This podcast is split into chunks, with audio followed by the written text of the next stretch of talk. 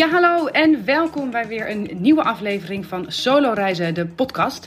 Ehm, ik heb weer een nieuwe gast tegenover mij zitten vandaag. Uh, en vandaag is dat journalist Daaf Borre. Hij is dus journalist, maar ook fotograaf voor onder andere One World en de Groene Amsterdammer. En zijn onderwerp is eigenlijk altijd het continent Afrika. Hij reist daar al jaren in zijn eentje doorheen. Uh, daarnaast richtte hij het platform The Bright Continent op. Met als doel Afrikaanse verhalen door de Afrikanen zelf te laten vertellen. In plaats van over ze te vertellen. Um, we gaan het hebben over het uh, continent. We gaan het hebben over hoe het is om daar in je eentje door te reizen. Want dat gaat niet altijd zonder slag of stoot. Um, en ook gaan we het hebben over, nou ja, toch een beetje de negatieve effecten die het solo-reizen op Daaf hebben gehad. En uh, hoe hij daarmee omgaat. Um, deze podcast is opgenomen lang voordat wij uh, te maken hadden met de coronacrisis. Dus alle, onder, alle dingen die we bespreken, die zijn in een coronavrije naïviteit verteld. Uh, ik hoop dat je het een leuk gesprek vindt. En ik hoop dat de verhalen over het reizen een klein beetje goed maken. Dat we voorlopig niet echt ver kunnen reizen. Uh, ja, nou, genoeg uh, gepraat. Laten we beginnen met de aflevering.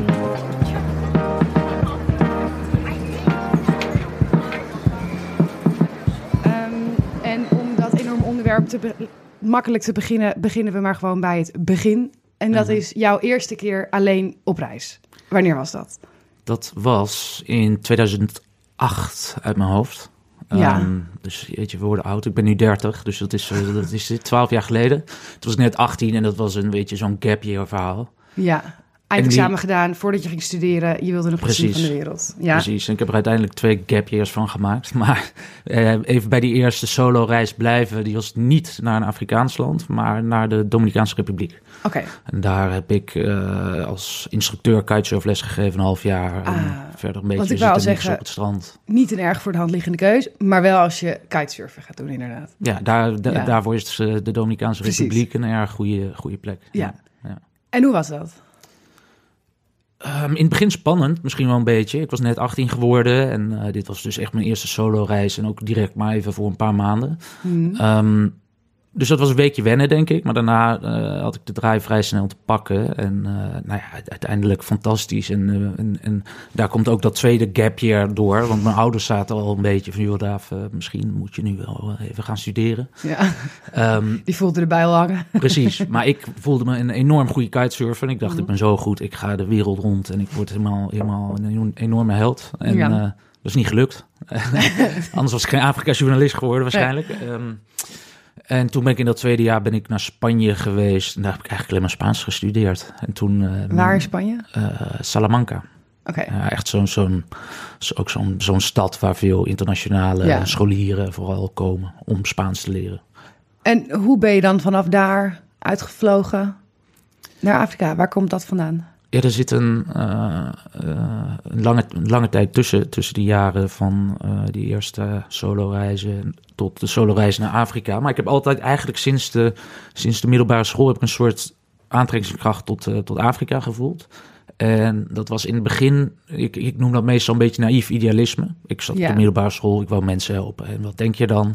Ik ga naar Afrika. Ja, daar wij zijn- even oud en ik herinner me wel dat je dan dozen ging vullen met knuffels voor zielige kindertjes in Afrika. Dat soort Precies, dat is dat, nare verhalen. Voluntarism noemen ze dat Ja, nu. Hè? En ja. dat is, uh, wordt inderdaad gelukkig uh, nu stevig uh, aan de kaak gesteld. Want dat, Ja. is, dat is niet, niet Ja, daar wil ik het ook even goed. later nog over hebben. Ehm, Um, maar dat ja. is dus veranderd uh, gedurende mijn studie. Ik heb internationale betrekkingen gedaan. Ik heb eigenlijk alles uh, op uh, alle onderzoeken die ik mocht doen, heb ik op een Afrikaans land gefocust. Uh, dus die interesses blijven groeien. Toen ben ik vervolgens heb ik een tijdje bij Follow the Money gewerkt voor Artsen zonder Grenzen. Maar Artsen zonder Grenzen die hebben liever een timmerman die in, of in ieder geval een handige man of vrouw ja. in een, op, op, op, een project in Afrika dan een academicus. ja. Dus daar zat ik alleen maar achter mijn bureau hier in Maar- Amsterdam. Maar je zegt eerst, het begon een beetje uit, uit, uit, uit naïviteit, die voorkeur of die voorliefde voor het Mhm, continent. En mhm. daarna veranderde dat. En waarin veranderde dat dan? nieuwsgierigheid. En uh, hoe meer ik uh, over leerde, en nog steeds, hoe meer ik erover leer, hoe meer ik ervan zie, hoe nieuwsgieriger ik eigenlijk word. En Ja. dat continent telt natuurlijk 54 landen, dus ik Ja. heb uh, nog een hele rit te gaan. Ja, je hebt nog genoeg te doen. Ja. Um, en wat zijn een paar van je favoriete landen? Um, ja, dat is een beetje afhankelijk van, van de uh, uh, manier waarop je naar kijkt. Als, als ik kijk naar prettige landen, dan denk ik aan Kenia en Senegal. Als in makkelijk, toegankelijk. Ja, reisbaar. makkelijk, toegankelijk, mooi, eh, eh, goed ingesteld al op, eh, op, op toeristen die komen. Mhm. Eh, dus in die zin heel prettig. Als ik kijk naar mijn journalistieke werk, dan staan tot nu toe Mali en Zuid-Soedan hoog op mijn lijstje. Omdat dat natuurlijk vrij eh, eh, instabiele en fragiele landen zijn, waar, waar alles niet helemaal op de rit staat. Ja, dus daar is voor jou als journalist gewoon meer te halen in, in, in termen van verhalen. Ja, precies. Ja. En het is toch ook net weer een extra uitdaging. hè. Ehm, Zo'n Senegal en Kenia is vrij eh, gemakkelijk te doen tegenwoordig. Maar je moet, je moet enigszins gezond verstand hebben. Maar Ja. Zuid-Sudan en Mali, dat vergt wel echt veel voorbereiding, ook qua veiligheid. En wat voor voorbereidingen tref jij dan voordat je daarheen gaat? Nou, in Mali is het zo dat ik eh, eh, als laatste journalist nog een keer meeging met de Nederlandse VN-militairen daar. Die zijn nu weg. Ja. Maar eh, daar was vooral dus de voorbereiding in van de Nederlandse defensie mailen en, en vragen of ik, of ik mee op patrouille zij, mag. staan zij te springen als ze zo'n verzoek in de mail krijgen? Enorm. Ja? Ja, het is niet zo. En, ik, eh, het is natuurlijk niet zo gek, omdat zij, de defensie staat niet altijd even goed in, in een goed daglicht. Zeker niet. En eh, die militairen, zeg maar, je kent de reclames, hè, ze zitten constant te zoeken naar nieuwe, nieuwe recruten. Ja. En dat, dat is een eindeloze zoektocht die niet lukt. Dus ze zijn blij met elke vorm van media-aandacht. En Ja. wat voor verhaal heb je toen gemaakt?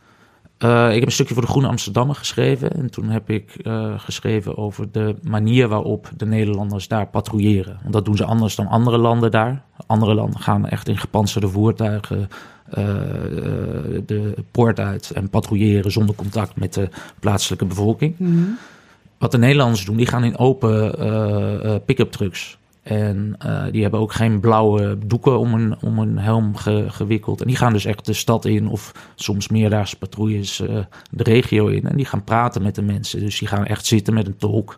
En Ja. dan gaan ze vragen aan een, aan een buurthoofd of, of een jongerenbeweging. Hoe gaat het? En is er nog iets gebeurd in de, in de, sinds de vorige keer dat we je hebben gezien? En is dat effectiever gebleken? Ehm, dat is heel moeilijk te zeggen. Het is, het is effectief in, in de vorm van inlichtingen verzamelen. Ja. Maar eh, omdat de vraag is wat er vervolgens met die inlichtingen eh, is gebeur, wo- wordt gedaan bij de Verenigde Naties, eh, is het maar de vraag of het effectief is. Ja. Wat mij vooral opviel is dat daar die jonge mannen en vrouwen die, die, die daar aan, aan het werk zijn en, en de redelijk gevaarlijke patrouilles doen, die hebben allemaal een, een, het hart op de goede plek en, en Ja. zijn erg idealistisch. Maar het, het lijkt mij zo vervelend voor hen eh, dat defensie in zijn algemeen altijd wordt afgestraft en dat die militairen zelf eh, ook afstraffing er- ervaren. Ja. Terwijl zij eigenlijk alleen maar de orders uitvoeren. Dus ik zou, ik zou eh, willen dat wij als, als journalisten meer de focus leggen op van... goh, zijn de keuzes op het ministerie van Defensie goed? Ja. Dan dat we, eh, want dat gebeurt dus veel bijvoorbeeld bij zo'n vierdaagse... als zij, als zij eh, in militair uniform rondlopen... Dan, worden, dan zien ze regelmatig middelvingers of worden ze uitgejouwd. ja. Terwijl zij daar niks aan kunnen doen. Nee. Wat zijn nou in de afgelopen jaren een paar van jouw favoriete of meest dierbare verhalen die je hebt mogen maken? Wat ik leuk vind, eh, wat ik een leuk verhaal vond, is, eh, is China mengt zich steeds vaker in, eh, in de Afrikaanse landen met de nieuwe zijderoute. Dus zij leggen infrastructuur aan voor, een, voor een lening die ze uiteindelijk wel moeten terugbetalen. Ja, die hele snelle trein. Heb, ik heb jouw verhaal Precies, ik heb, een, ja. ik heb in Kenia heb ik de trein van, vanaf Mombasa, de havenstad, naar Nairobi genomen. De hoofdstad van Kenia. Het is eigenlijk heel gek. eh, het, het was een hele interessante ervaring en ook mooi om over te vertellen. Omdat Kenia in zekere zin eh, vrij chaotisch is. En, en eh, in, in, in positieve zin, want dat, maakt, dat siert het en maakt het leuk. Totdat je daar dat station binnenloopt. Dan Ja. gaat alles opeens, omdat, omdat China die rails heeft aangelegd, Ja. gaat alles opeens volgens Chinese precisie. Ja. Dus je wordt echt in een rijtje achter elkaar gezet op het perron. Precies bij de plek waar de, waar de wagon stopt en waar jij erin moet. En dan zit je dus vier, uur- vier uur in de trein en opeens, zeg maar, de, ehm, Keniaanse vrouwen die een beetje gekleed als stewardessen rondliepen, die konden ook vol trots zeggen van ja, we zijn over vier uur en dertien minuten. In plaats van 24 uur of zo. Ja, in plaats van geen idee, we moeten maar kijken Ja. of we er überhaupt komen. En wat is dan het belang van China om daar die route aan te leggen? Ehm, dat is. Eh, ze, ze zeggen zelf dat, dat ze eh, daarmee de Afrikanen willen, willen helpen. Eh, want ze doen niet alleen in Kenia, maar, maar kriskast door het continent. Maar de, de vraag is een beetje, het is dubbel. Ze leggen infrastructuur aan en dat is vaak vanaf een, een, een mijn of vanaf een oliebron of mm. een, een interessante positie waar grondstoffen liggen, direct naar een haven. Dus zij hebben voordeel bij, bij die infrastructuur. Daarnaast is het zo dat ze die, uh, die, die infrastructuur bouwen tegen leningen. En als, je, als, als die leningen niet tijdig worden terugbetaald, dan komen de uh, Kenianen in dit geval in problemen. Daar was ook al sprake van een paar maanden geleden. Want zij, zij geven als onderpand, die Kenianen, de havenstad Mombasa. Dat is de grootste ja. havenstad van, van Oost-Afrika. En als die leningen dus niet op tijd voldaan kunnen worden, dan zegt China van joh, dan nemen wij de komende honderd jaar jullie haven over. Ja. En dan zijn ze alleen maar verder van huis. Ja, en dan, dan zeg maar, dan, dan gaat al gauw gaat het kriebelen, zeker ook hier in het Westen, van dit is een soort nieuwe vorm van kolonialisme. Ik las dat de NOS heeft voor het hele continent Afrika, wat dus, zoals je zei, uit 54 landen bestaat, twee verslaggevers. Mhm. Dus daarmee krijg je automatisch een, een eenzijdig beeld. Ja. En dat geldt natuurlijk voor alle, denk ik, uh, correspondenten. Volgens mij zit er ook niet op elk land in Zuid-Amerika iemand bijvoorbeeld. Ja, ehm, en ik begrijp ook voor jou dat dit is iets wat jij onder andere wil veranderen of zou willen, anders zou willen zien. Waarom is het belangrijk dat het eenzijdige beeld wordt gestopt, dat daar iets aan wordt gedaan? Nou, de, nu is er gewoon te vaak nog het idee van uh, Afrika is een land. Ja. Ik, mijn, mijn, mijn vrienden, mijn ouders, die hebben allemaal eigenlijk geen idee. En die, als, ik, als ik ga of als ik terugkom, dan zeggen ze: uh, Hoe was het in Afrika? Ja. En dan denk ik van ja, we de 54 landen, ja. lieve mams. Ja.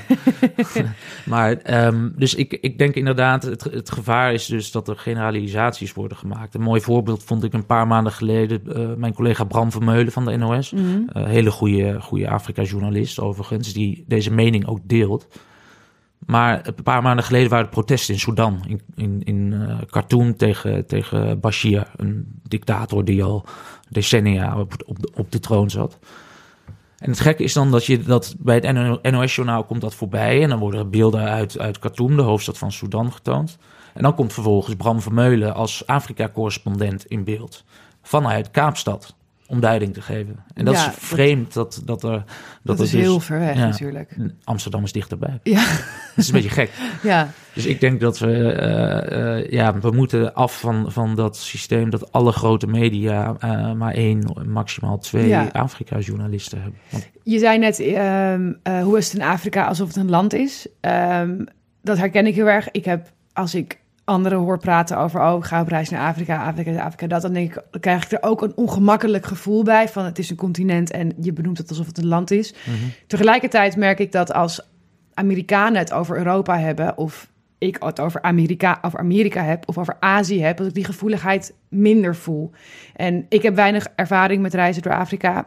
Uh, zowel het continent als individuele landen. Ik ben alleen één keer in Johannesburg geweest en twee keer op een safari. Maar ja, god, hè, wat zie je er dan van? Mm -hmm. En ik merkte dat ik in het stuk dat ik daarna schreef ook heel erg dat moeilijk vond over mm -hmm. dat heel erg benoemen Zuid-Afrika, Zuid-Afrika en daar heel erg bewust op zijn. Terwijl ik makkelijker het heb over Aziatische keuken of de gerechten in Azië zo ja. lekker of reizen door Azië is zo prettig. En dan daar voel ik dat niet bij. Mm -hmm. Dat en daar zit ik ook altijd een beetje mee in een soort tweeslag van wat, waarom, waarom heb ik dat? Waarom is dat? Waarom ervaren we dat zo anders? Is dat dan ook al niet een soort bijna koloniale blik ernaar? Ja, ik denk, ik denk misschien dat jij wel een van de weinigen bent die, die bij Afrika uh, het gevoel heeft van... Goh, het is een gigantisch continent van 54 landen. Ik denk, ik denk dat heel veel mensen hetzelfde uh, over Afrika praten als over Azië en, uh, en Amerika of Zuid-Amerika. Ja, maar dat zijn ook gigantische continenten met heel veel landen. Ja, dat klopt. Um, maar waarom vinden we, hebben we daar minder moeite mee? We, ik in ieder geval, ja, de meeste mensen. Ja, nou, ik, ik, ik, ik heb dat niet zo. Ik denk wel dat ik, uh, dat ik misschien komt dat wel van, vanwege mijn ervaringen op het Afrikaanse Ja. continent. Ik zeg ook liever het Afrikaanse continent dan Afrika. Ja. Um, dat door die ervaringen dat ik ook uh, uh, me bewust van ben dat ik uh, Azië of Amerika of Zuid-Amerika op dezelfde manier moet behandelen. Ja. Want wat ik, wat, wat misschien ook een mooi voorbeeld is, is ik zag laatst weer dat er een nieuwe tentoonstelling in het Afrika Museum was geopend. Hmm. En waarom, waarom is er een, wel een Afrika Museum, maar waarom is er niet een Europa Museum of Ja. een Amerika museum. Dus dat, dat zijn allemaal een beetje gekke dingen waarbij de Ja. hele boel op een één groot kluitje worden gegooid. Maar toch blijf ik dat ingewikkeld vinden. Dat ik zonder een moment van ongemakkelijkheid kan zeggen... oh, reizen door Azië, dat is zo ontzettend lekker Ja. ontspannen. Dat is een Ja. hele, dat, nou, daar Ja. voel ik niks bij. Terwijl als ik dat zeg, oh, reizen door Afrika... dan denk ik, oh, nu ben ik, nu ben ik er ook zo eentje... die de boel op een hoop gooit. En dat Ja. wil ik expliciet niet zijn. Mhm. En snap je? Dat, dat, dat, Ja. voelt, dat voelt toch ergens, voelt dat niet gelijk. Ja, dat, Of- heeft, dat heeft denk ik te maken ook in die, met, met de stereotypes die Ja. er, en de vooroordelen die er door de jaren, eh, decennia zijn ontstaan over, over het Afrikaans continent. Ja, Dat dat toch wat gevoeliger ligt, inderdaad. En ik merk ook bij onze generatiegenoten eh, eh, in de Afrikaanse landen dat zij zich daar ook steeds nadrukkelijker tegen verzetten. ja. Op, op welke manier merk je dat? En doen zij dat? Nou, je merkt, eh, een groot verschil is dat, met, met deze generatie Afrikanen, om het even zo te zeggen, dat zij zijn allemaal opgegroeid met een telefoon en met internet. Zij zijn Ja. zich heel bewust van, eh, van wat er speelt in de wereld. En Ja. daar kan je dus hele interessante discussies mee voeren. Zij- er zijn bijvoorbeeld heel veel Keniaanse jongeren die zeggen, nou die Chinezen die leggen die rails neer. En eh, jullie hebben het wel een keer geprobeerd met de Wereldbank, maar jullie e- eisen dan meer betere democratie en betere mensenrechten. En dan gebeurt er uiteindelijk niks. Nee. Dus in die zin, je, je merkt eh, aan de jongeren daar dat er, dat er steeds meer verzet is tegen eh, eh, algehele bemoeienis eigenlijk. Ja. Je merkt ook dat onze generatie teruggaat naar eh, de traditionele eh, geloven of religies van hun, van hun grootouders. En dat er ook dus het, het christendom en de islam, dat is ge- geïmporteerd uit het Midden-Oosten en, en het Westen. Ja. Dat dat eh, eh, nou ja, steeds kritischer bekeken wordt. Ja. Ehm, jij hebt onder andere de Bright Continent, eh, een platform waarin je Afrikanen zelf aan het woord laat. Wat, hoe, hoe, wat, wat, wat is het precies? Ja, het is een platform wat ik eh, een paar jaar geleden ben begonnen. Ik- En ik denk ook dat dat uit de drive kwam dat toen ik mijn, mijn eerste land dat ik in Afrika bezocht was, was Ghana. En toen merkte ik eigenlijk direct al bij Nederlandse media dat ze waren op zoek naar het eh, negatieve nieuws. Dus over Ja. corruptie of geweld of honger misschien wel. Ehm, daarnaast wilden ze graag wat ik schreef op een hoopje gooien. Dus als ik iets over specifiek in Ghana eh, wou bespreken, Ja. Dan zeiden zij van, joh, kunnen we dit niet generaliseren naar een heel continent? Dus vanuit daar is die Bright, de Bright Continent een beetje eh, op gaan borrelen. Niet zozeer om alleen maar positieve verhalen te vertellen. Want laten we eerlijk zijn, eh, er gebeuren ook een, een heleboel slechte dingen. eh. Bovendien is er geen plek op de wereld waar geen negativiteit bestaat. Dus dat zou Nee. ook gek zijn om dat helemaal te negeren, toch? Precies, Ja. precies. En eh, daarom, het is ook niet de bedoeling om met dit platform van een, eh, van een hele negatieve benadering naar een hele positieve benadering te gaan. Het idee is meer van die negatieve verhalen die wij kennen, dat is, dat, dat, zijn, dat is de waarheid. Dat zijn dingen die gebeuren inderdaad. Maar het is een deel van de waarheid. Er gebeuren ook andere dingen eh, aan de positieve kant. Ja. En ik vind dat, eh, dat, nou ja, zoals ik net al zei, omdat onze generatie zo verbonden is eh, eh, met wat er in de wereld gebeurt. en zo'n sterke en, en duidelijke en goed onderbouwde mening hebben over bepaalde zaken. Dan denk ik, wie ben ik als, als, als Hollandse knul met blonde krullen om, om de expert uit te hangen over hun land of hun Ja. continent. Dus jij maakt de verhalen dan ook niet zelf die erop te Precies, lezen zijn. precies. En die worden gemaakt door lokale journalisten, kunstenaars. Ja, En- heel divers. Ik heb heel veel fotografen vooral, maar, Ja. eh, maar inderdaad ook journalisten. Ook leuk dat je merkt dat er eh, veel Afrikaanse jongeren eh, dichten, poëzie erg leuk vinden. Ja. Dus het is, het is van alles wat. En ik moet eerlijk zeggen, het hele platform moet nog wat meer vorm krijgen. Maar het, is, het, het geeft heel veel energie om te zien hoe we, met hoeveel ja. eh, blijdschap eh, deze, deze jonge makers aan, aan dit soort projecten werken. En, en hoe vind je deze, deze makers? De een dient zich aan, bijvoorbeeld dus via internet of eh, wat is het, Instagram of, of noem maar op. En de andere die, die eh, ontmoet ik in de landen waar ik ben geweest. En dan, dan loop ik eh, soms per toeval of bewust loop ik tegen Ja. een, een, een interessantere, interessante jonge man of vrouw aan. En gaan we het over hebben. Ja. En, dan, en, en, en dan gaan we zo een, nou ja, zo'n werkrelatie aan. Ja, er staan echt schitterende foto's op het Instagram-account. Dat kan Ja. ik iedereen erg aanraden. Bij, bij velen denk je ook, ik wil dit gewoon twee bij twee groot aan de muur hebben. Ja, Echt ontzettend precies. mooi. Ja. Ehm, is het soms niet ergens wrang dat, jij, dat juist dan alsnog jij met je blonde krullen, die ik trouwens niet meer zie, maar die zijn weg volgens mij. Eh, maar in ieder geval met je witte huid en je blonde haar, dat jij dan dat platform maakt. En dat, hè, dat daar, zit daar dan niet ook iets, schuurt dat dat niet een beetje?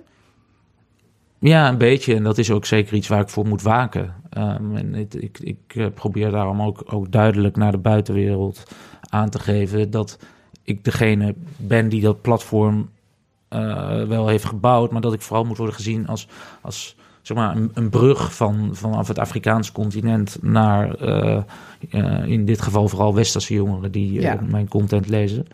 Dus ik denk dat dat mijn rol is. En ik vind dat ik verder niet. eh, ik, ik censureer geen artikelen of zeg van joh, eh, is dat wel echt zo? Ja. En wat, wat is je ultieme droom voor dit platform? Wat, waar hoop je dat het heen gaat? Nou, het moet. Het, eh, op dit moment eigenlijk is het nog te veel een, een hobby. Dus ik vind dat, het, dat ik het iets moet professionaliseren. En het doel is natuurlijk dat er meer eh, begrip komt. En dat, dat, er dat er eh, eh, vanuit het Westen niet alleen gedacht wordt aan corruptie, geweld of safari of de Big Five. Maar dat dat continent veel meer heeft te bieden dan, dan alleen de standaard dingen die we horen. Ja. En je gaat ook een boek schrijven, mede om dit doel te Ja. dienen. Ja. Kun je daar wat over vertellen? Ja, dat wordt ook een interessante om, om te gaan doen. Want daar zet ik me natuurlijk weer in, in zo'n positie van eh, wi- witte Nederlandse journalist... die even gaat, eh, gaat vertellen over eh, ongeveer een dozijn Afrikaanse landen. Ja. Daar zal ik zo even op terugkomen. Maar ook daar probeer ik inderdaad, omdat ik, ik weet, alle kennis die ik vergaar uit boeken en documentaires en noem maar op, zijn allemaal gemaakt door, door westerse eh, journalisten. En dat Ja. is toch vreemd dat, ja. dat, dat er hier bijna geen eh, eh, journalisten of boeken vindt van Afrikaanse journalisten of schrijvers. Hmm. Dus daarom wil ik in dat boek proberen, dat gaat over nou ja, de geopolitiek in, in de Afrikaanse landen. Eh, zeker nu China zich dus eh, steeds verder mengt in de strijd. En ik denk eh, andere landen uit het Westen, maar ook aan Rusland van oh, straks missen we de slag om, om Afrika's grondstoffen. Dus er is een soort hele nieuwe scramble voor Afrika aan het ontstaan. En dat wil elk hoofdstuk bespreekt een land. En wat dus te maken heeft ook weer met, eh, met de bemoeienis vanuit een Rusland, een China, een Europa of de VN.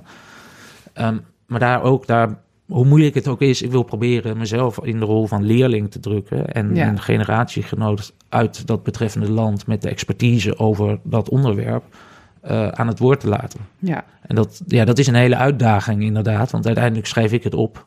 Maar Ja. ik hoop eh, mijn, mijn rol hierin te relativeren. En een uitdaging waar je nog twee jaar de tijd voor hebt. Want we moeten er nog even op wachten, toch? We moeten er nog even op wachten. ja, nog even geduld. ik stuur iedereen toe met een handtekening over twee jaar. Daar hou ik je aan. Ehm, de, de- het gaat vaak over eh, toerisme eh, eh, in, ja, toch wel in een negatieve context. Hè? Zeker tegenwoordig in, in veel Europese landen richt het toerisme toch meer schade aan dan dat het oplevert. Zou je kunnen stellen dat het Afrikaanse continent er ook wel wat aan kan hebben als daar meer toeristen heen gaan? Omdat dan dat eenzijdige beeld gewoon direct wat meer wordt, ja, hoe zeg je dat? Gerelativeerd, ja. gerelativeerd, ja. Ja. Ehm, ja, ik denk sowieso dat, dat eh, meer ontwikkeling van de toerismesector in Afrikaanse landen een goed idee is. Ook om bijvoorbeeld, ehm, ik heb een voorbeeld in Ghana, daar is een beschermd natuurgebied waar heel veel bauxiet ligt. Bauxiet, dat is een grondstof om aluminium te maken. Dus daar zijn weer een aantal Chinezen heel erg geïnteresseerd in. Dus Ja. die willen de boel daar ontginnen, ontginnen terwijl de eh, bedreigde diersoorten in dat gebied zitten en het dus eh, officieel een beschermd natuurgebied is. Ehm, wat ze daar dus nu ook doen, is zeggen van joh, maar laat die bauxiet le- lekker in de grond. We kunnen beter dit, dit nationale beschermde park eh, zo inrichten dat het voor toeristen erg toegankelijk is. Ja. En er op die manier geld mee verdienen. Ja, Dus dat is, dat is één, één ding wat, wat toerisme interessant maakt. Anderzijds ehm, helpt het bij het creëren inderdaad van, van een meer, een meer gerela- re- gerelativeerde blik op de Afrikaanse landen. Het enige is dat op dit moment nog steeds de meeste uh, westerse journalisten of westerse toeristen vooral naar landen als Kenia, Tanzania, Botswana en Zuid-Afrika gaan. Mhm. En de vraag is dan, krijg je daardoor het juiste beeld? Want de meeste mensen gaan op safari Mhm. uh, of gaan in, in Kaapstad uh, lekker, lekker aan, de, aan de wijn in al die, al die streken. En dan komen ze terug. Je zegt het met een zekere neerbuigendheid. ja, omdat zeg maar, het is absoluut ook Afrika, maar weer wederom, het is een deel van, van de waarheid, denk ik. En er is zoveel Ja. meer moois om, uh, om te zien. Maar dat Dus- is over alles te zeggen. Hoe bedoel je? Nou ja, de, als je naar. Ik denk dat zeker de Amerikanen, als die naar, naar, naar Parijs gaan, dan zeggen ze: Oh, I've been to Europe. Mhm. Terwijl ik als Amsterdammer denk: Nou, dat Parijs heeft helemaal niks te maken met Amsterdam. Ja. Maar ja, god, is dat dan zo erg? Waarom, waarom gaat je dat zo aan het hart? Nou, ik denk dat het vooral te maken heeft met wat je, eh, wat je ziet in, in eh, die Afrikaanse landen. Dus wat je als toerist doet. Ja, Als je alleen maar met een westerse eh, safari-expert Ja, of, ja, westerse reisbureaus een, een, een routetje uitstippelt, dan denk ik niet dat je het volledige beeld krijgt. Nee, zeker niet. Duiding geeft. Nee, ik, ik, ik zei ik, ik was in Johannesburg een paar dagen en Mhm. daar al proefde je heel erg het, dat zij ook heel erg hadden van wij het, wat, wat, wat ze in Kaapstad doen, dat heeft helemaal geen bal te maken met Zuid-Afrika. Dat werd Mhm. ook daar werd al met heel veel, nou misschien niet dédain, maar wel met een soort erg groot klein nationale trots over Johannesburg Mhm. gesproken van dit is Zuid-Afrika Mhm. en dat- in Kaapstad niet. Dus dat zal, is dat dan vergelijkbaar in het groot? Ehm, in veel opzichten wel. Ik, ik moet heel eerlijk zeggen, ik ben zelf nog niet in Zuid-Afrika geweest hoor. Dus ik, ik moet daarin eh, niet een hele duidelijke mening geven. Die ik wel heb overigens. Maar, ja, ehm, want die, die klinkt wel door, hoor, Ja. die mening. Ehm, even kijken. En ja, ik denk inderdaad dat de, de huidige toerismesector... Bijvoorbeeld, ik ga over twee dagen vlieg ik naar Ethiopië. Ethiopië heeft een slecht ontwikkelde toerismesector. Ja, Dat heeft, denk ik, misschien wel te maken met Live Aid uit de jaren tachtig. Daar, Oh ja. daar werden voor het eerst eigenlijk rondom die concerten ja. eh, verschenen de, de beelden van kinders, kinderen met, eh, met eiwitbuikjes. eh, ja. bij miljoenen mensen in de huiskamer Ja, die op de beelden tv. kennen we natuurlijk allemaal. Ja, en. Dat, is, dat, dat, zit toch, dat hangt dan aan Ethiopië heel erg nog steeds. Voor Ethiopiërs noemen we het een nationaal trauma, Live Aid. Oh ja? Ja. Jezus. Ehm, en je merkt dus daar dat de toerismesector niet ontwikkeld is. Terwijl als ik kijk naar Kenia is een, is een prachtig land, maar als ik nu het mooiste Afrikaanse land eh, moet aanwijzen waar ik ben geweest, is dat absoluut Ethiopië. ja. Ehm, we gaan het zo hebben over reizen in Afrika. Mhm. Eh, maar nu even naar eh, de mediatip.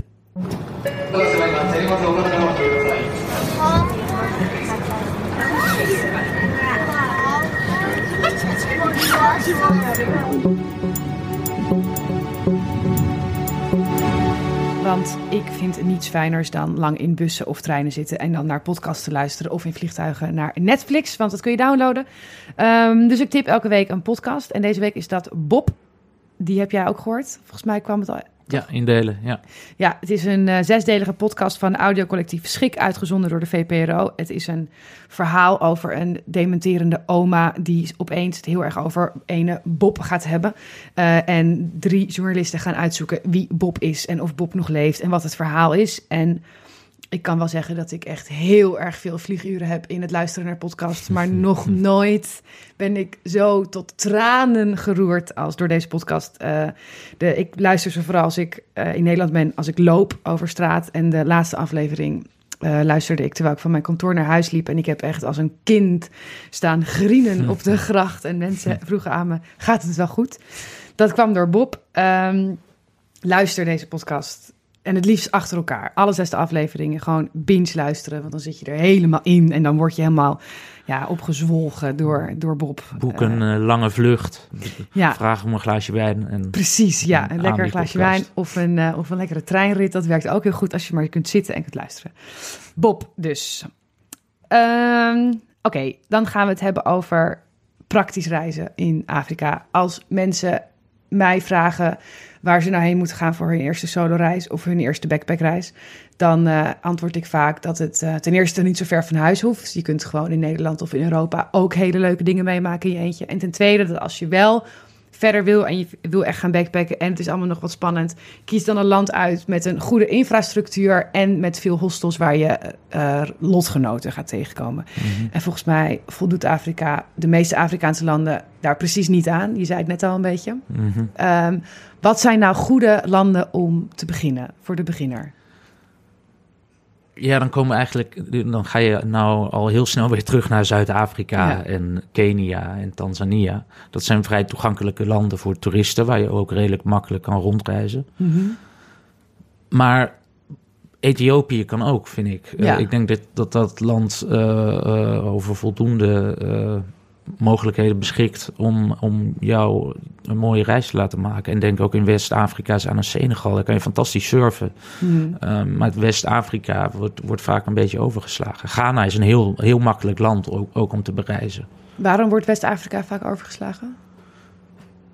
Omdat ze daar de Big Five niet hebben. Ik weet het niet precies. Dat is ook zo gegroeid, denk ik. Hè. Ze, ze noemen vaak West-Afrika echt heel suf, echt heel donker Afrika. Ja. Ja. Dus het is, nou, eh, eh, het, het is, het klimaat is ook vrij onprettig, moet ik eerlijk zeggen, omdat het zo enorm klam is. Ja. Um, en het is in die zin qua toerisme uh, nog niet voldoende ontwikkeld. Maar denk bijvoorbeeld in Ghana aan die slavenforten die daar op de kust staan. Waar wij als Nederlanders uh, uh, eeuwen hebben huisgehouden. Ja. Uh, dat, is, dat is waanzinnig interessant om te bezoeken. En ook als, als solo-reiziger. Maar het zijn wel landen waar je iets harder je best voor moet doen, misschien. Ja, het is wel een uitdaging. Ik zou inderdaad, zoals, ja, zoals jij ook zei, als je, als je voor het eerst op reis gaat, uh, uh, doe het inderdaad dichtbij. Begin eens met een weekje en, ja. en bouw het vanuit daaruit. Ik ja. weet nog wel dat ik, en toen had ik al een aantal solo-reizen achter de rug dat ik die, die stap wil maken als freelance journalist naar, naar uh, Ghana. Dat was ja. mijn eerste land.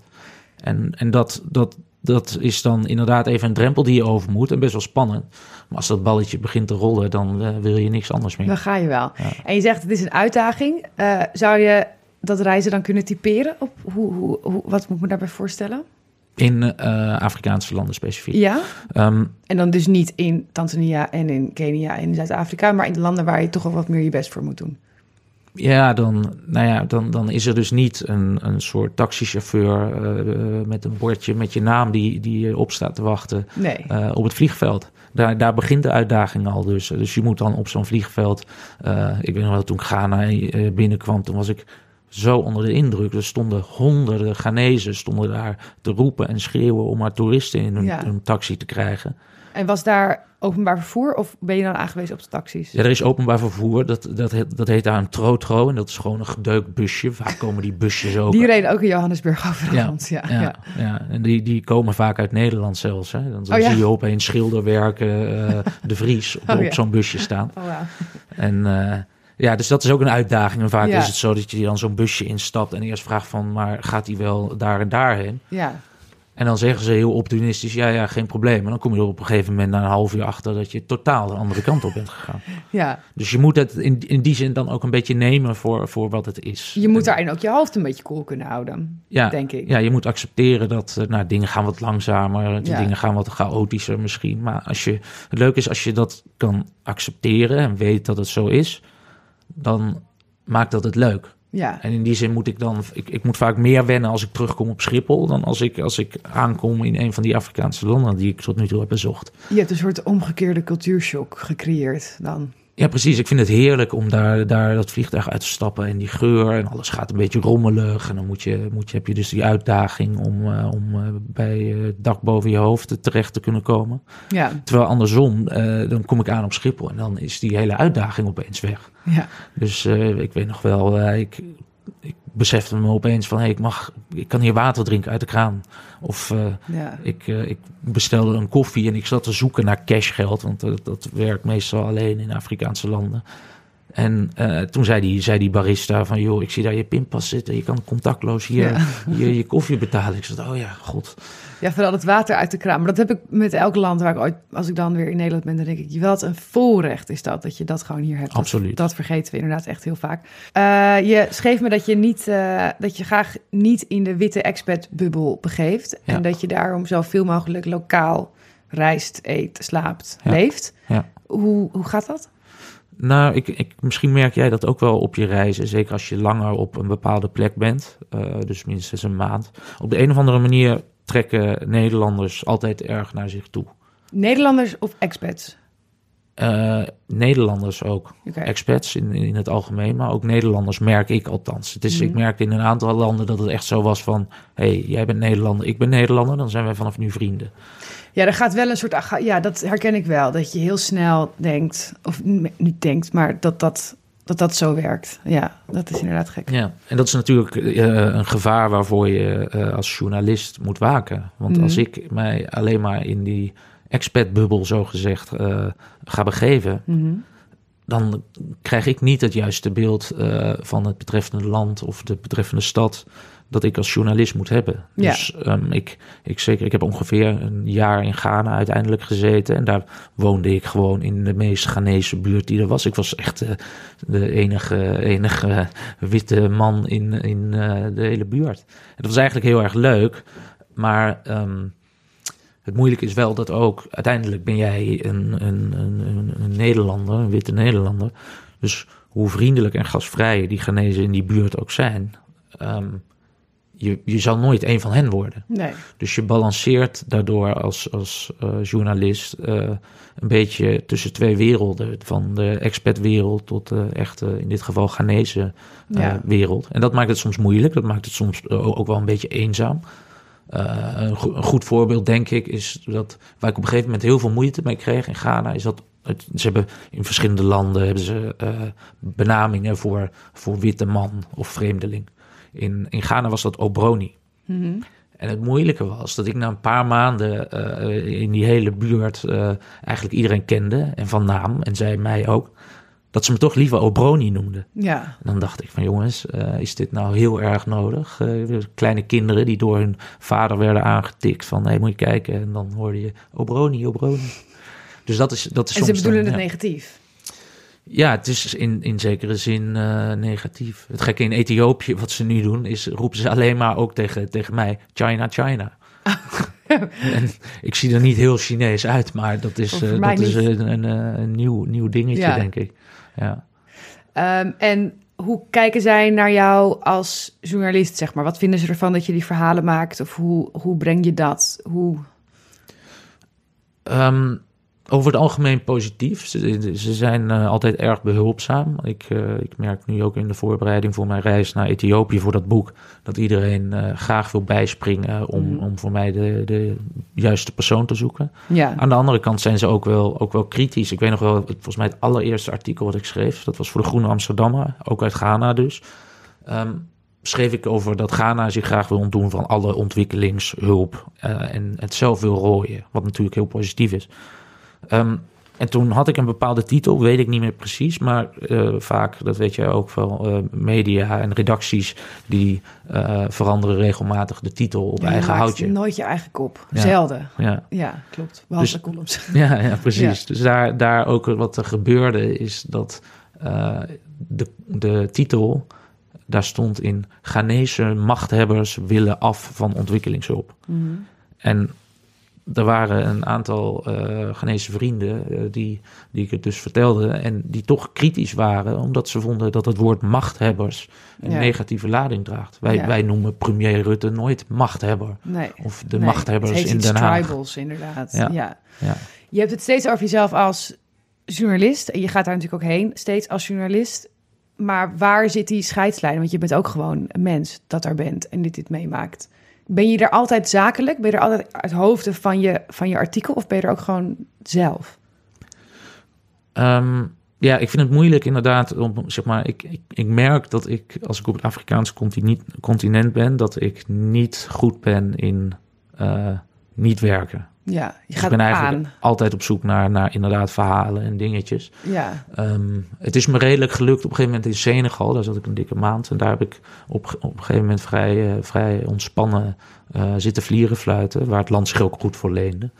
Ehm, en ook op zich plekken waar ik langer ben. Je, je vriendschappen sluit je zo. En eh, als mens is het... ik heb het WK voetbal heb ik in Ghana gekeken. Ik heb... eh, in, in Zuid-Soedan heb ik gekeken naar een, een voorstelling van Zuid-Soedanese jongeren om, eh, om, om het land te verbinden. En dat zijn dingen die ik persoonlijk als heel mooi ervaar, waar misschien niet direct eh, een, Ja. een verhaal in zit. maar de meeste dingen ontstaan wel vanuit het verhaal. Of de meeste reizen zijn vanuit vertrekken vanuit een verhaal.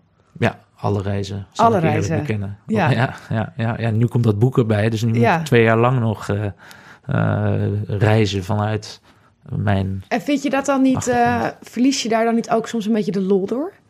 Als het altijd werk wordt? Of is het zo, ik bedoel, ik snap dat het heel leuk werk is en eh, dat, dat, get, dat begrijp ik. Maar Mhm.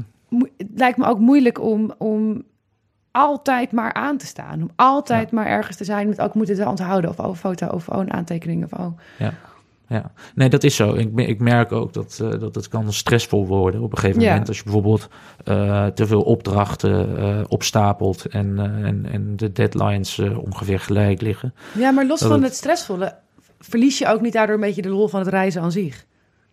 Nee, eigenlijk helemaal niet. Ik, Nee? nee, ik, ik, ik word alleen maar nieuwsgieriger nog Ja. steeds. Hoe meer ik eh, in, in een Afrikaans land ben, hoe nieuwsgieriger ik word. Ja. En, eh, dus, dus die nieuwsgierigheid is, is wat mij heel blij maakt. En, eh, en, en het, wat voor mij een reden is om te blijven reizen door Afrika. En weer terug te komen, ja. Ja. Je stipt het net al even aan dat die soort het leven in twee werelden, hè, als je bent, je blijft die witte Nederlander, maar je bent dan wel soort ja, geïntegreerd in in dat geval dat zo'n Ghanese buurt, dat dat heel eenzaam kan zijn. Mhm. Op welke manier uitzicht dat die eenzaamheid? Hoe, hoe werkt dat? Ehm, nou ja, persoonlijk bij mij, eh, ik, ik, ik, ik denk dat mede hierdoor eh, zelfs, door dit soort situaties waar ik me dan eh, tussen wal en schip voel zitten, Ja, ehm, merk ik dat ik een soort angst voor eenzaamheid heb ontwikkeld ook. Ik vind een, een, het gevoel van eenzaamheid vind ik een heel naar gevoel. En Mhm. eh, dat, dat stemt mij dan vrij somber. Terwijl Ja. het, het gekke is, ik kan heel goed alleen, alleen zijn. Maar voor mij is het heel duidelijk ja. dat er een groot verschil is tussen alleen zijn en eenzaam zijn. Waar zit dat verschil in voor jou? Nou, ik, ik kan heel goed alleen zijn. Eh, ik bedoel, anders zou ik ook niet eh, alleen maar in mijn uppie die, die Ja. kant op gaan. Maar eenzaamheid is wat anders in de... Ja, dat is, een, dat is meer een gevoel, denk Mhm. ik. En een heel vervelend gevoel. Dat je, dat je het gevoel hebt dat je net, net niet overal eh bij hoort of inpast. Ja, Ja. Dus dat is, dat is moeilijk. Dat is eigenlijk de grootste worsteling eh, persoonlijk die ik heb met, eh, met bijvoorbeeld dat, dat solo reizen. En zeker als ik langere tijd op één plek ben, dat ik merk van oké, je, je, kan net niet eh, aarden altijd. ja.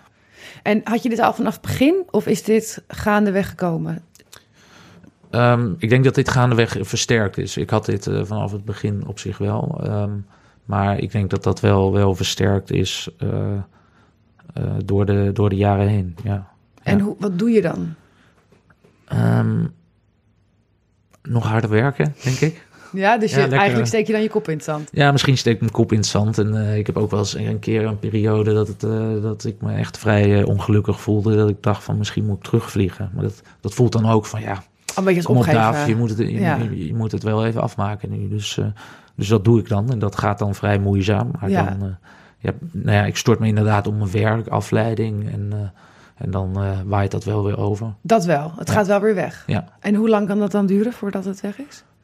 Ehm, ik, eh, ik heb nu, denk ik, in. Ik had in Ghana een moeilijke periode van bijvoorbeeld een maand. Maar het kan ook soms een, een, een week zijn. Ja. Of, eh, weet je, en het hoort er ook een beetje bij. Het is ook iets wat ik, wat ik beter kan omarmen. Omdat het, Ja. ik, in, in zekere zin kies ik een heel eenzaam beroep. Eh, ik, ik weet niet wat jouw ervaring is met redacties. Maar ik heb van alle redacties waarvoor ik schrijf, heb ik pas één keer iemand de hand geschud. Ja. En laat staan dat ze, ze willen hem, ze hoeven me niet te zien, ze hoeven me niet te, te bellen. En ook al zou je dat wel, je hoort er niet bij, want je werkt daar niet. Dus Alleen maar mailcontact. Ja, Ja. precies. Je zit niet is in het. het eh rijlen en zeilen. Ja, dat vind, ik, dat vind ik ook moeizaam. En daarom vind ik Ja. dat werken nu aan zo'n boek vind ik zo mooi. Omdat ik daar voor mijn gevoel ook meer leer. En eh, er, is, er is nauwer contact. Ja. Want meestal bij redacties, die, ik, ik, ik ga ze altijd bellen als ze, als ze niet over de brug komen met mijn geld. Omdat ik weet dat ze het heel vervelend vinden. Ja. Dus dan denk ik van oké, nou dan ga ik ze niet nog een reminder sturen. Ik bel Dit ze is op. even wat eh, het blokje freelance leed. Ja, sorry. Ja. Ja, nee, want dat heb ik, heb ik ook hoor. Dus dan bel ik op en dan de eerste vraag is waarom bel je? Ik wil- ik wil mijn geld. ja. Maar goed, dat- dat terzijde, weet je, dat, dat is- onderschrijft misschien ook een beetje dat er is als freelancer weinig steun vanuit de, de redacties en de media waarvoor je werkt, vind ik. Ehm, ja, ja, dat kan ik me voorstellen. Maar ik denk dat dat vooral merkbaar is als je stukken maakt die zo, die zo ingrijpend zijn. Dat je dat misschien wel meer behoefte aan hebt. Ja, ik zou er in het algemeen ook meer behoefte aan hebben. En Ja. ik zou ook eh, bijvoorbeeld iets, iets meer eh, in de besluitvorming eh, van, van hoe zo'n artikel gebra- gebracht wordt, Ja, willen meegenomen worden. ja, En ik wil graag leren natuurlijk. Ik wil een betere journalist worden. Dus als zij, zeg maar, ze, ze kunnen wel alleen maar rare kritiek geven zonder duiding. En dan denk ik van ja, maar leg het me dan even uit. Ja, dan doe ik het volgende er keer beter. En heb je contact met andere Afrika-journalisten? Ervaren die diezelfde eenzaamheid? Ehm, ik heb contact met vrij veel eh, freelance Afrika-journalisten. In het begin ook met zo'n Bram van Meulen, die ik echt, eh, echt een beetje als mentor had. Ja. Het enige eigenlijk wat hij zei was, pak je biezen en ga. En eh, Ja. achteraf denk ik van, ja, nou, heeft gelijk gehad. Maar toen dacht ik van, gast, wat, wat heb ik hier aan? Ja. Ehm, maar we zijn, we zijn wel sowieso in het algemeen met freelance correspondenten over de hele wereld. eh, eh, zitten we bijvoorbeeld in een besloten Facebookgroep. Dus er, wordt, er is wel een soort van verbond en, eh, tussen freelance journalisten die elkaar vragen stellen over: goh, hoe is jouw ervaring met die redactie? Of, Maar dat zijn allemaal zakelijke vragen. ja, ja, maar dat is toch een soort. Ja, het is in ieder geval, je voelt je wat meer eh, sterker in je schoen, schoenen Wat staan. verbonden, Anders, verbondenheid. ja, omdat je toch als freelancer zo'n beetje zo'n Calimero-effect hebt. Ja. Want eh, zij zijn groot en ik ben klein. Als ik, als ik eh, ehm, met, met een redactie in de clinch zou liggen en ik sta in mijn recht, dan nog is het haast onmogelijk om, om, om, om mijn recht ook te behalen. Ja, zeker. Maar dat is. Ik, ik merk dat ik bij mezelf in ieder geval toch een duidelijk, ook niet heel veel, maar wel een duidelijkere scheiding ervaar tussen werk en privé. En bij jou bespeur ik die nog niet zo. Nee, ik, ik, eh, dat klopt. En die, die probeer ik nu een beetje, want ik ben pas eigenlijk recentelijk. Ik heb afgelopen jaar eigenlijk alleen maar uit mijn koffer geleefd. En dat brak zich op op een gegeven moment, omdat je ook in Nederland niks had. Dus ik woon sinds, sinds eh, kort hier in Amsterdam. Zodat ik wel een soort thuiskomgevoel kan Ja. hebben. En inderdaad, dus wat jij zegt, eh, op die manier beter werk en privé gescheiden kan houden. Want dat is in, de, in het afgelopen jaar. Ik, nou, ik zit nu eigenlijk al langer dan mijn lief is in, in Nederland, iets van vier maanden. Maar ik mag bijna weer. Maar ehm, ehm, ja, dat, dat eh, is, is vertroebeld geraakt inderdaad. Want Ja. je reist alleen maar van hot naar her en alles staat in het teken eigenlijk van werk. Dus Ja. dus ja, privé, dat, dat, dat is dan lastig. En je zegt het is opgebroken geraakt. Hoe uitte zich dat? Ja, ik denk dat ik eh, op een gegeven moment wel wat overwerkt was. En ik weet nog wel dat ik... eh, ik heb toen in het halfjaar voor de zomer... heb ik zes eh, Afrikaanse landen bezocht. En mijn zusje in, in Boston nog even tussendoor. Echt vergeef me voor het klimaat. Ik, ik, eet, ik eet weinig vlees. Ehm, dat ik op een gegeven moment merkte van... ja, maar ik, ik voel geen thuis meer. Ik, het, Nee. mijn, mijn rustmoment was eigenlijk in het vliegtuig. Ik dacht, Ja. oh heerlijk, nu even, even in mijn eentje. Even en, onbereikbaar. eh, even onbereikbaar zijn. En toen dacht ik van, oké, dit is niet helemaal gezond. Nee. Ga je eens op vakantie? Ja, in, in, in eigen land. Ik, deze zomer heb ik, eh, heb ik nog een paar keer in Zeeland eh, gezeten. Een weekje om te, om te kitesurfen en zo. Ja. Maar ik heb weinig neiging om dan als ik in Nederland ben... weer direct naar Spanje te vliegen of iets dergelijks. Nee. Ehm, verder het... Ja, ik, ik, ben, ik ben zo Afrika gefixeerd... dat ik, ik eh, eigenlijk vooral die kant op wil. En Ja. ik wil nog, nog meer leren. Hoewel... er natuurlijk veel meer is eh, in deze wereld om te zien. En ik heb bijvoorbeeld heel veel familie in Nieuw-Zeeland wonen. En die Oh. zou dat ook heel leuk vinden als ik weer eens langs zou komen en zo. Ja, maar los van dat, je, dat er meer is om te zien. Ik kan, je kan ook natuurlijk naar, naar een Afrikaans land op vakantie gaan. Maar ik bedoel Ja. meer als ik je zo hoor en je hebt het over alle reizen die altijd een hoger doel hebben. Namelijk iets leren of een verhaal te maken of, of er op een andere manier iets uit te halen. Dan word ik bijna al moe van als ik er naar luister. Dan Ja. denk ik, jeetje, Ja. Mina, wat, wat, wat heftig. Wat maak je het dan moeilijk voor jezelf? Ja, ik denk dat ik dat ook, eh, ook deed. En, eh, en dat dus eh, in de praktijk heb, heb geleerd dat, Ja. dat deze manier van werken niet houdbaar is. Nee. Dus vandaar dat, dat zo'n stabiliteit zoals nu met een, met een thuis en ook, ook een wat grotere klus, ehm, is het veel beter te doen. Ja. Ja. En, en denk je, want dat gaat dus overmorgen beginnen, dit, Ja. deze nieuwe manier, of nieuwe, hè, maar eh, toch wat aangescherpte manier van reizen. Ja. Denk je dat je dan dat wel langer vol gaat houden? Eh, deze nieuwe manier van reizen en Ja. in Amsterdam.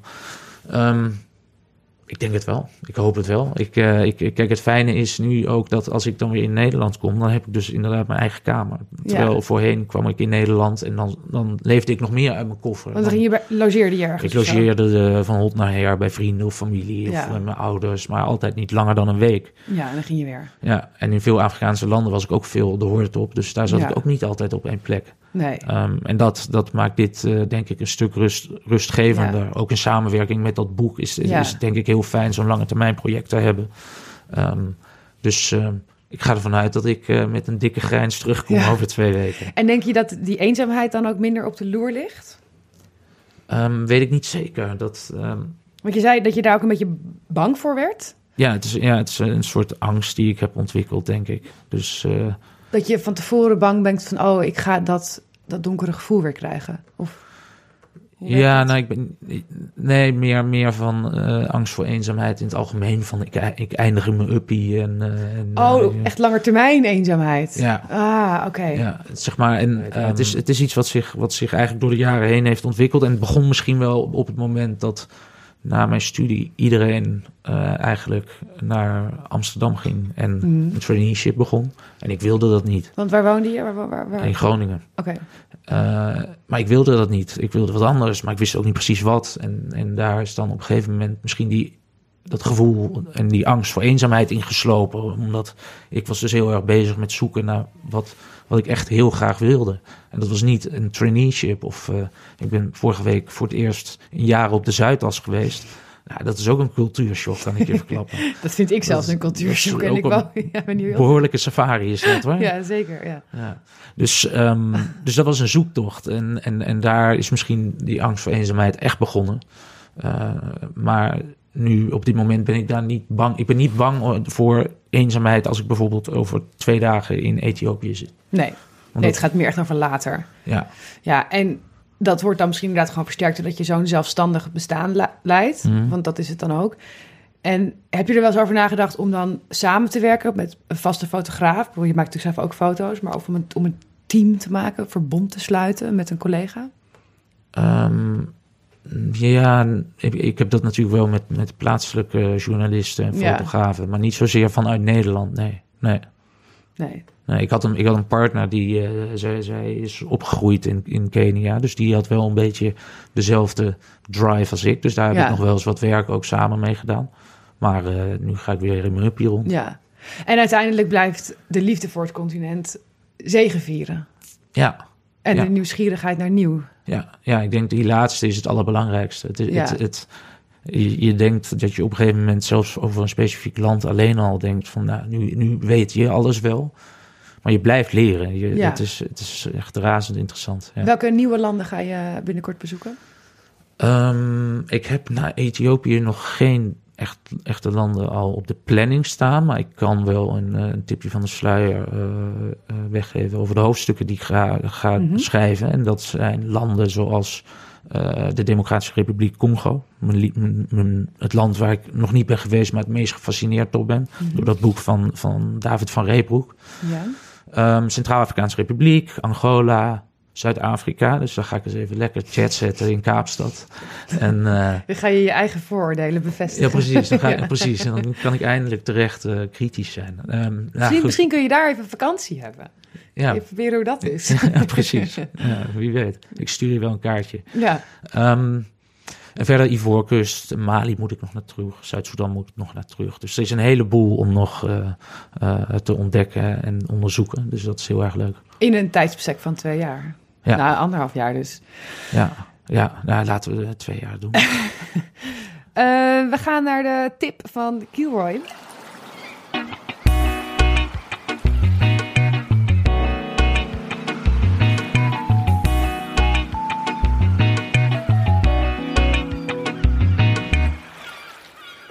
Hey, hier is Suzanne, reisspecialist bij Kilroy. Wij zijn gespecialiseerd in verre en avontuurlijke reizen en helpen dagelijks jonge reizigers hun droomreizen waar te maken. Na Zuid-Amerika staat het continent Afrika bij mij op nummer 2. Zo mooi is het daar. Sommige landen, waaronder Zuid-Afrika, zijn ook prima om solo doorheen te reizen. Maar de zogezegd moeilijkere landen, zoals Mozambique of Madagaskar, zou je ook met een groep kunnen doen. Je bent een paar dagen of weken, wat jij wilt, omringd door internationale mensen van je eigen leeftijd. Zo ben je alleen op reis, maar toch ook weer een beetje niet. Je kan in ieder geval je eenzame gevoel, mocht je er last van hebben, op dat moment wat verminderen.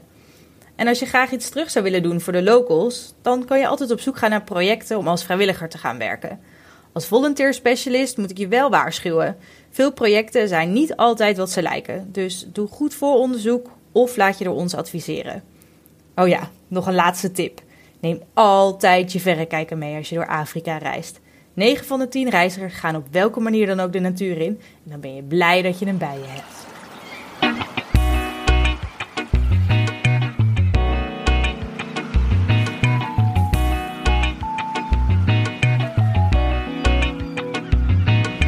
Um, in ieder geval groepsreizen dus. En uh, vrijwilligerswerk. Heb jij Nee, je hebt geen ervaringen met groepsreizen. Nee. nee. nee. Nee, En vrijwilligerswerk vind ik wel goed om even aan te stippen. Want het kwam al heel even in het begin ter sprake. Voluntourism mm heet dat tegenwoordig. Want ja, er gingen inderdaad busladingen, uh, toch vooral westerse goeddoeners, mm naar mhm. het Afrikaanse continent. En dat, dat liep eigenlijk helemaal niet zo goed af. Nee, dat liep de spuigaten uit. Ja. Ik, uh, voluntarism is gewoon een miljardenbusiness. Ja, wat kun je even kort uitleggen wat het is? Nou, voluntarism uh, combineert dus de, uh, in het Engels de twee woorden van uh, vrijwilliger en toerisme. Mm -hmm. um, en het is een, een tak van sport die, die veel in Afrika inderdaad wordt, wordt bedreven. En dan gaan er dus jongeren vaak naar de middelbare school. Die gaan voor, voor een paar weekjes gaan ze in een weeshuis helpen. Of ze ja, gaan voor een waterputten paar, bouwen. Ze gaan waterputten bouwen. Ja. En en uh, er wordt te weinig stilgestaan bij van, heeft dit, is, is dit belangrijk voor de plaatselijke bevolking? Of is het vooral belangrijk voor uh, de persoon, de, de voluntarist, zeg maar? Wie, ja. wie heeft er het meeste baat bij? Je, je, hoort verhalen over weeshuizen die gewoon gecreëerd worden. Dus Precies, dus ja. weeshuizen met kinderen die geen wees zijn, maar wel even, even meedoen alsof. Ja. Voor het grote geld.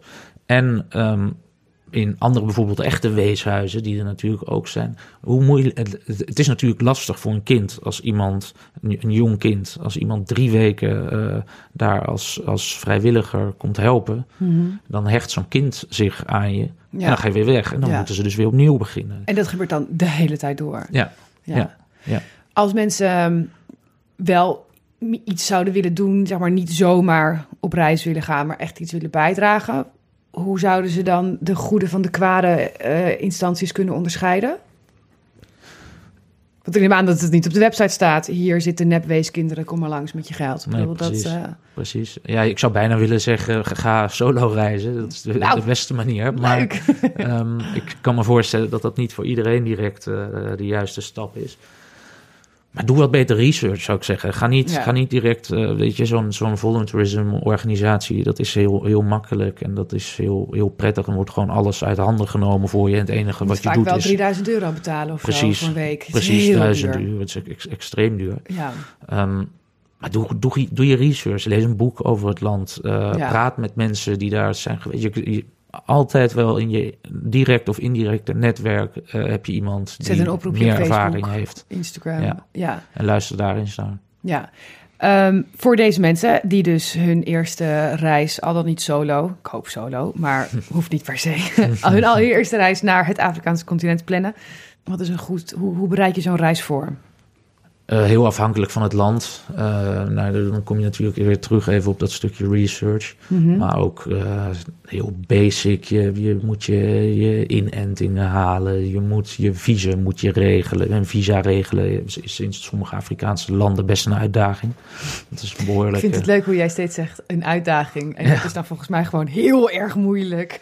Ja, het is moeilijk en het is, het is best corrupt en zo. Maar ik heb het in, in, in Zuid-Soedan gehad. We dwalen een beetje af, maar dit is misschien wel zo'n leuke anekdote die ik net niet wist. Daar, ik, ik vloog vanuit Nairobi naar Juba, de hoofdstad van Zuid-Soedan.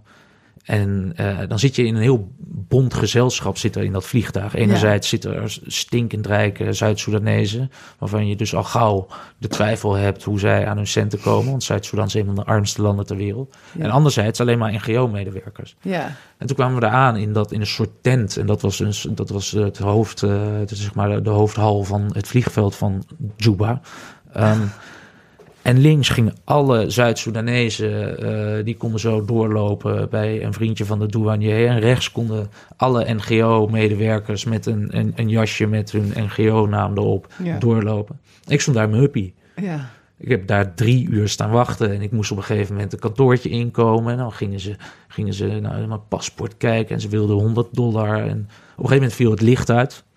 En toen zat ik dus met mijn telefoon bij te schijnen, Oh, zodat zij nog door konden kijken naar mijn, eh, ja. mijn eh, paspoort en papier. En dan na 3,5 uur ongeveer, dan zeggen ze van nou, vooruit dan maar. Dan hebben zij weer even kunnen laten zien van wij zijn de baas. ja.